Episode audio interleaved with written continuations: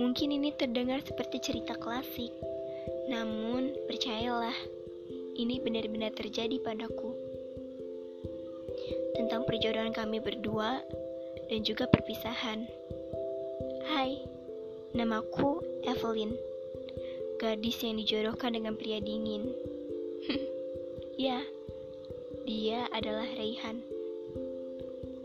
So, jadi di sini kalian bakal dengerin cerita tentang Evelyn yang memperjuangkan cintanya pada Raihan. Terima kasih.